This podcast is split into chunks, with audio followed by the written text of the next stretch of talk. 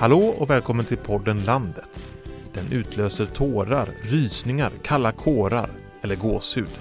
Ja, vi pratar om musik, kanske det kraftfullaste uttrycksmedlet i populärkulturen. Vi har ju tidigare fördjupat oss i hur landsbygderna skildras i litteratur, film och tv. Romantiserad, dyster och stereotyper. Ja, det var några ord som kom upp i de poddarna. Men nu så ska det kretsa kring det musikaliska.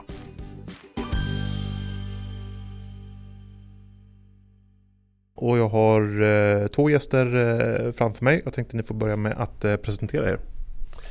Eh, ja, jag heter Po Tinholm. Jag är journalist och eh, författare. Och jag har också faktiskt varit musikkritiker i DN sedan 1993. Det är faktiskt en evighet. Ja, så det, det är jag. Och jag heter Samantha Olanders och är folkmusiker och kompositör och scenartist, eller vad man ska säga. Ja, har varit verksam sedan 2013 när jag tog examen från Musikhögskolan. Och så är du också engagerad i Unga på landsbygden?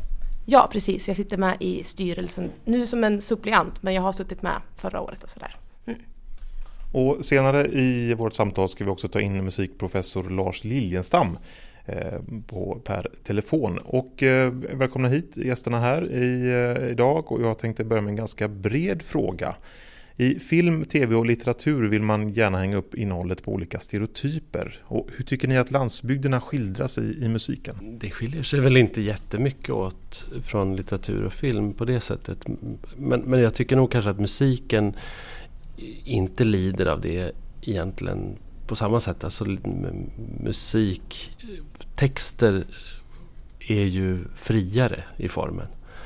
Eh, jag menar, det behöver ju inte ens vara begripligt i, egentligen. Eh, och är ju inte ofta det heller. Så, att, så att jag, ty jag, tycker kanske inte att det, det liksom tyngs, att det tyngs av schabloner på samma sätt som andra genrer. Det tycker jag ändå inte. Eh, ja, men jag tänker att det, det, finns ju liksom en urban norm i stort och det påverkas väl liksom hela kulturen av på olika vis. Liksom. Men musiken, jag tänker att det kanske inte alltid heller är texterna som, som blir det som eh, visar upp det utan det kanske snarare så här eh, att man ska ta sig till en stad för att lyckas. Man, man måste liksom etablera sig och man måste bli en del av eh, tar man sig till Stockholm så blir man, har man en publik som är större. Medan tar man sig till Haparanda då har man kanske en publik i Haparanda eller kanske lite över på finska sidan. Så det är, liksom, det är väl olika det, eh, liksom vem kulturen är till för på olika platser i, i Sverige.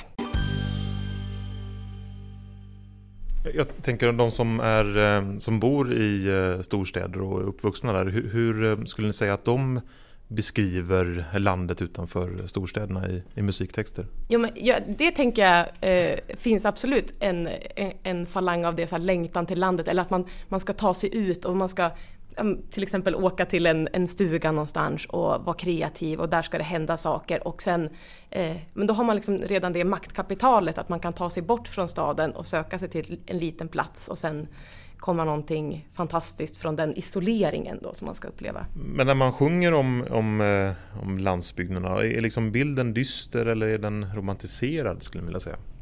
Både och. Jag tänker, som vi kanske kommer att prata om lite sen, men det här liksom eh, med Gonza Ra och Random Bastards-gänget som håller på att liksom skriva väldigt mycket hiphop som utgår från då kanske Storuman eller Umeå eller liksom andra platser än än den urbana normen. Då kan man ju liksom eh, hitta textexempel på företeelser som att åka skoter eller eh, åka raggarbil och lägga i en snus och sådana saker som är kanske lite stereotypa landsbygd men som ändå jag tänker skildrar kanske vad som händer på de platserna lite grann också.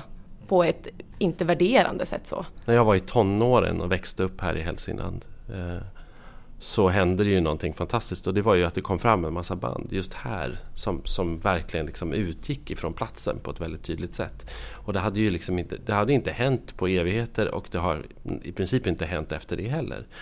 Och vi hade ju då Dead Scouts som sen liksom grenade av sig och Traste Lindéns kvintett eller Traste och Superstararna och sen så liksom olika ett gäng där som liksom sen blev Traste Lindéns kvintett och Perssons pack och sen så blev det liksom flera band runt kring där med Svenne Rubin som var lite mer skämtiga och Sigge Hills som också var lite skämtigt sådär. Men, men Traste Lindéns och framförallt Perssons Pack var ju extremt liksom lokala och slog också i hela landet och blev ju ett fenomen och som, som jag liksom kände verkligen att många kunde identifiera sig med.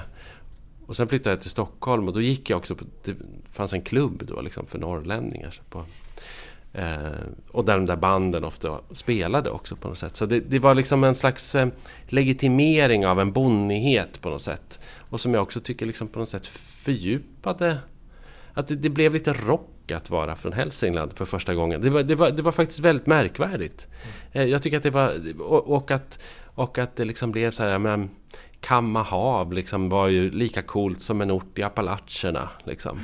eh, eh, och eh, det hände någonting där som jag, som jag tyckte var väldigt fascinerande och som, som, som inte har upprepats.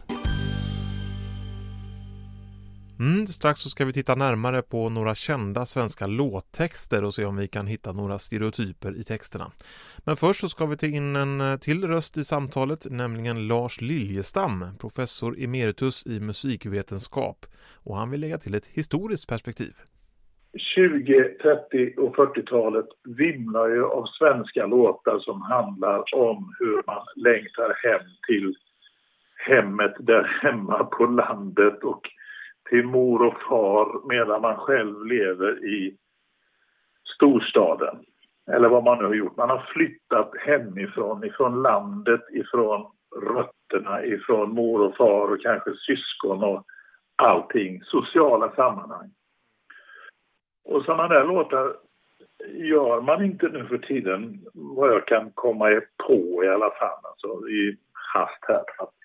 Utan det är eh, alltså det här nostalgiska längtan tillbaka. Och det här är ju typiskt då i, för hundra år sedan. Då är Sverige ett land i enorm förändring. Jag sa 20, 30, 40, 50-tal.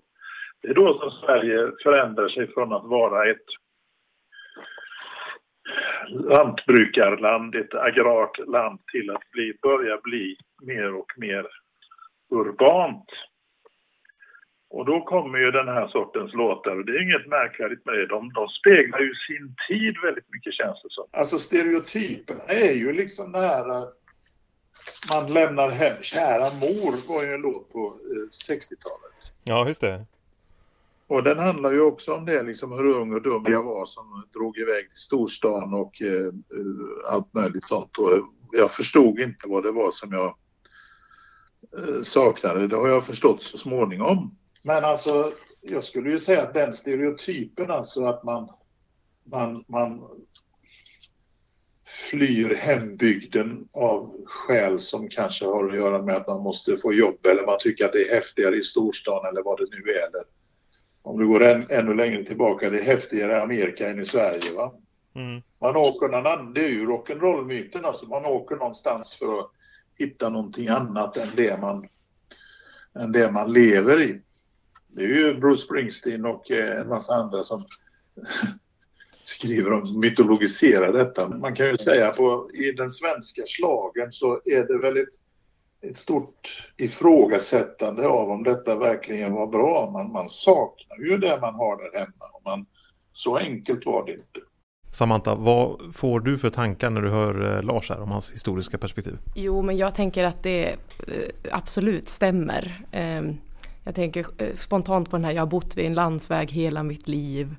Och alltså så här, det, det, finns ju, har ju gått sådana olika trender. Och jag tänkte faktiskt på det också att det finns liksom den typen av genre, liksom schlagergenre som, som skildrar någonting annat. Och sen så eh, 70-talet kanske med gröna vågen kanske skildrade något annat, att man skulle flytta ut och kollektivet och liksom, så det går ju trender i det här. Men jag tror att eh, sen i alla fall 80-talet så har det ju liksom rått någon slags urban norm i alla kulturskikt. Eh, och det har ju såklart påverkat vad man, vad man sjunger och liksom vilka historier man förmedlar i texter. Så.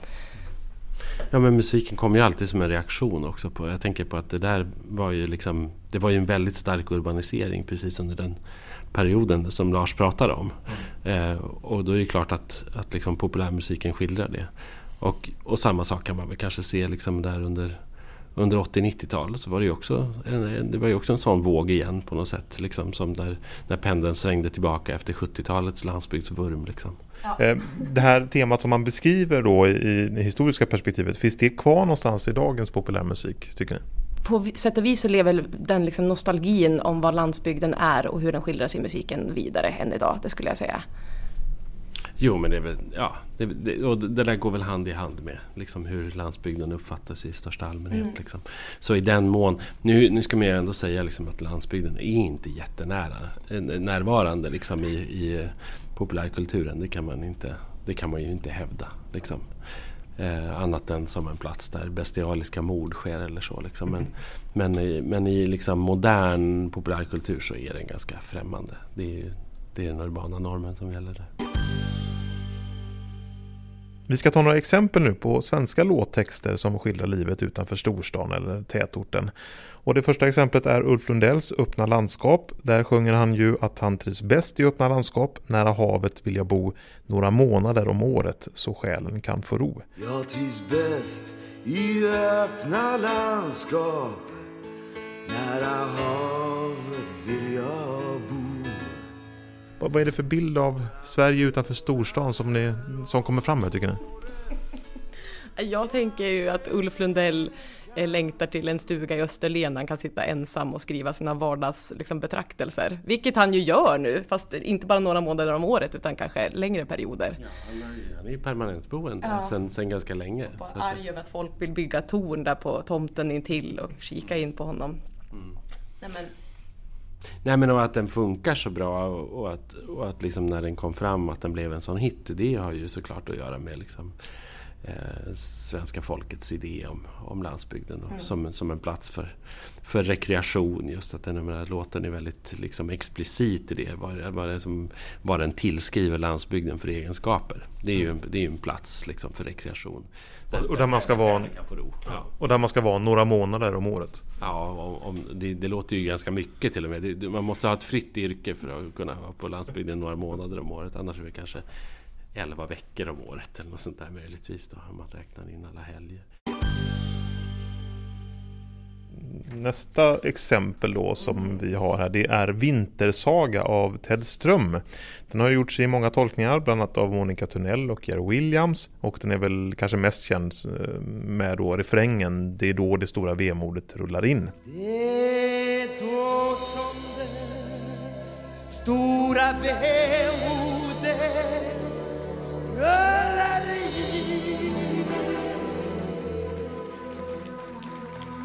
Och texten beskriver ju Sverige från olika geografiska platser. Gränsstationen i Tornio, en gumma på en spark, tradarfik i Docksta, bion i Pajala och insnöade vägar på Österlen.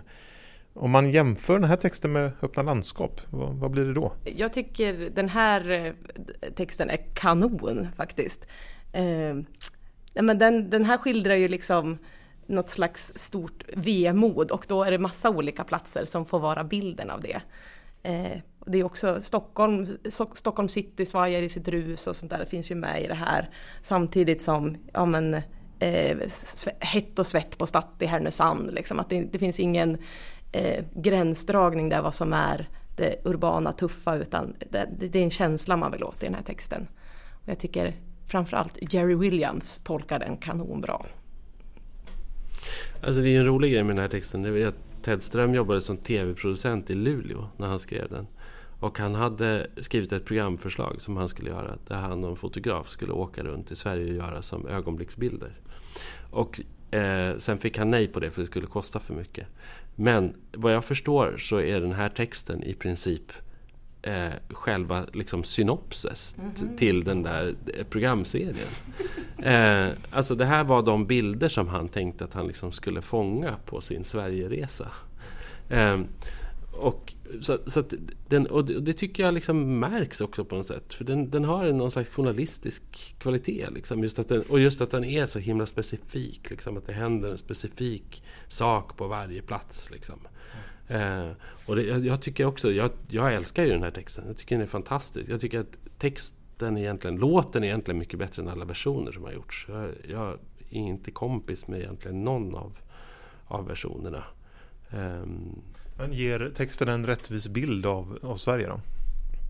Ja, det tycker jag på sätt och vis att den gör. Att den, att den, att den är, det är ju det här, det är ju liksom det här eh, mörka stråket som finns i Sverige. Liksom med eh, tystnaden och kylan och ensamheten och vemodet. Vilket i och för sig är en schablonbild men jag tänker att den, den, har liksom inte, den utgår inte från någon slags urbanitet eller landsbygden är på det här viset utan den, den smäller lika hårt åt alla håll.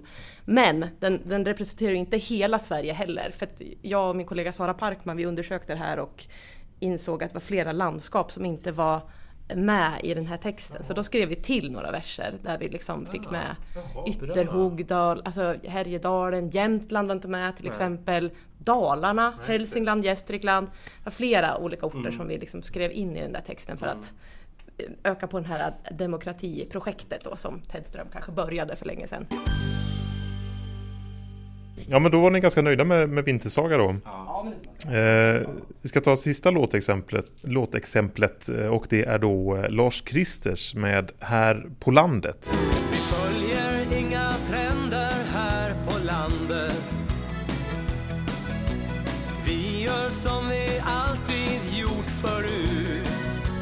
Och då sjunger de då bland annat så här. Vi följer inga trender här på landet, vi gör som vi alltid gjort förut. Och även då lite senare. Vi tar gärna bilen ner till kiosken, för 11 mil är lite långt att gå. Vad berättar den här texten om, om Sverige tycker ni? Eh, ja, den här... De vill väl skildra någon slags eh, liten plats i Sverige där... Jag tänker att den här är inte till för en storstadspublik heller. Det här är också en låt som är lite skriven på skämt för de, alltså med de här liksom vanliga 08-skämten lite grann. Att man ska inte... Eh, och linor vi drar, linorna vi drar har bara flagga på till exempel. Inte som de gör, 08 håller på liksom. Eh, att det finns olika sådana saker och att man driver också lite med sig själv att så här, ja, men det är långa avstånd och vi, här är ju också hembrännsgrejen med. Liksom sådär. Men jag, jag tänker att den är ju lite plojig den här texten, den är ju kanske inte något liksom, eh, en liksom generell bild för hur eller så är den det, för att den innehåller de här stereotyperna ganska mycket. Nej, jag ser den också ganska mycket som ett skämt. Eller, ja, det, det kanske är som eh, om, om bensinupproret hade en egen sång så skulle det vara den här. Att det liksom är, det är väldigt dumt och stereotypt liksom, tycker jag. Det handlar ju också om en slags empowerment, liksom att okej, okay, vi är vi är outcasts på något sätt och vi är lågkultur och vi bor avsides och vi är liksom perifera både geografiskt och mentalt på något sätt. Och, och, nu, och, och då tar vi vad vi har och sen så berättar vi det här är ändå vi och vi är, vi är stolta över allt det här som ni försöker få oss att skämmas över, det är vi stolta över. Mm. Eh, och att det, att det handlar om det och på det sättet så kan man tycka att det är lite fint men det, det är då det också blir ganska schablonmässigt liksom kan jag tycka. Vi ska lämna låtexemplen där, men jag tänkte på, på dig på Tidholm. När du recenserar ny musik, eh, detta med vilken bild man förmedlar av Sverige, är det någonting som du lägger liksom in i, i bedömningen? Ja, men det kan väl hända om jag stöter på någonting som jag tycker är riktigt dumt så, så drar jag mig inte för att säga det. Liksom.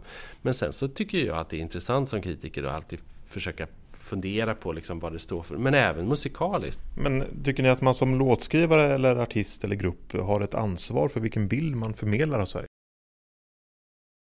Ja, men ja det, det har ju alla som uttrycker sig har ju alltid ett ansvar för för allting skulle jag säga. Så det är ju inte specifikt. Jag skulle nog inte säga att, att man har ett specifikt ansvar som låtskrivare. Men alla människor som arbetar med kultur eller uttryck eller media eller sånt där har ju, har ju ett ansvar. Och det är ju jättebra om man tar det ansvaret tycker jag. Jag vet, jag, jag vet ju, här skulle kanske många eh, kritiker, kollegor till mig, inte hålla med.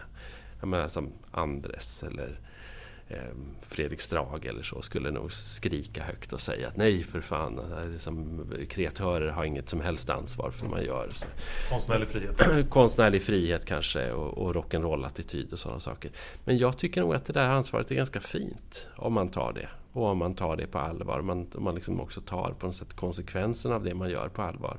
Vad händer när den här musiken eller den här texten möter lyssnaren? Och vad liksom, att det finns ett omhändertagande i det eh, artisteriet liksom, som jag tycker är fint. Jag tänker också att det blir mycket mer intressant om man liksom skildrar fler berättelser och liksom inte bara återskapar samma typer av berättelser i till exempel då låttexter.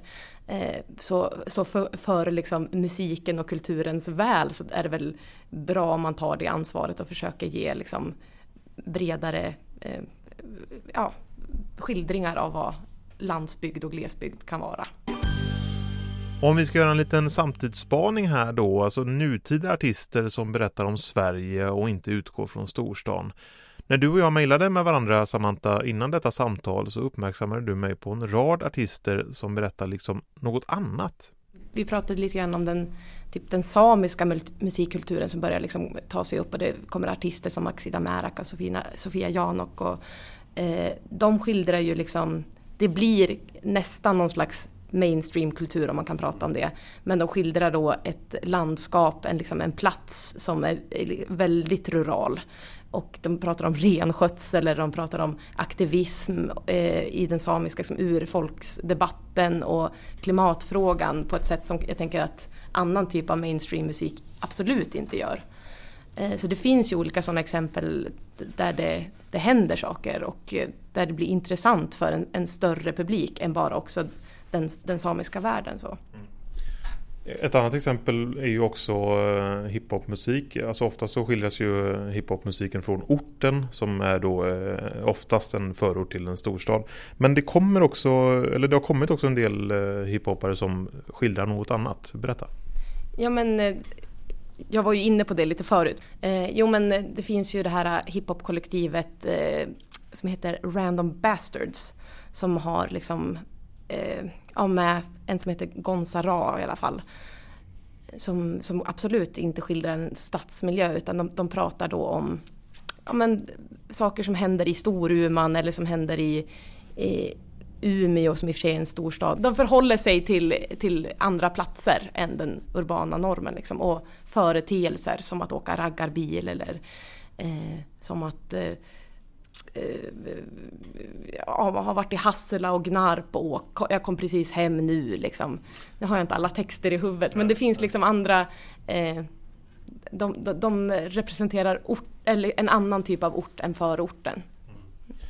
Och ett annat exempel på det är ju också då eh, rapparen eh, Kitok som eh, kom några år sedan med en, ja, i vissa kretsar stor hit som hette Paradise Jokkmokk. Berätta på.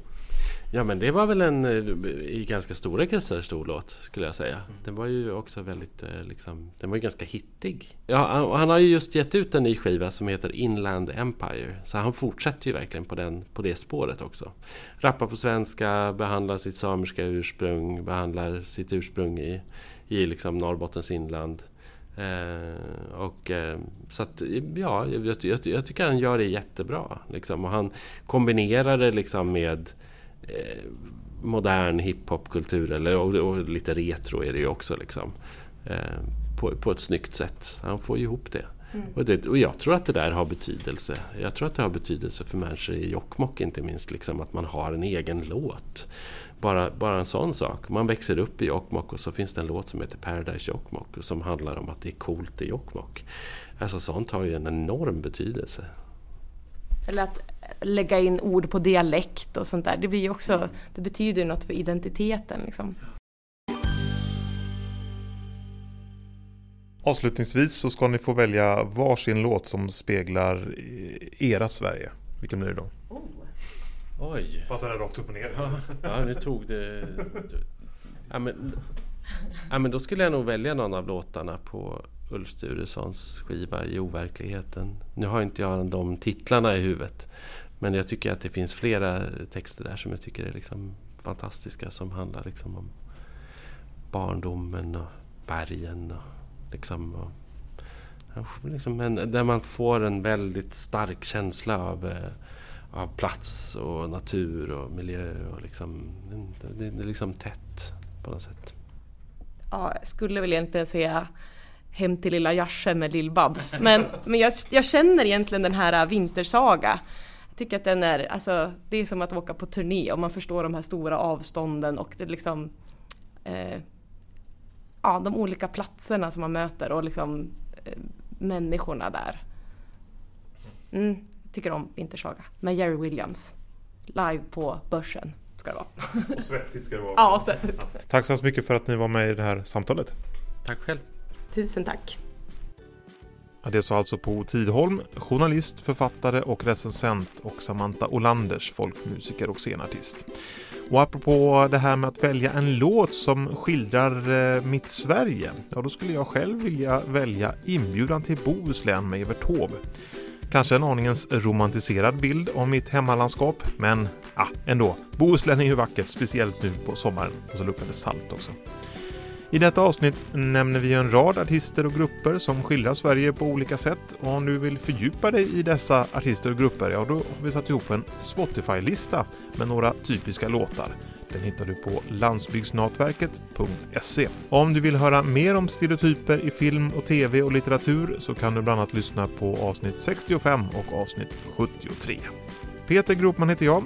Tack för att du har lyssnat. Vi hörs!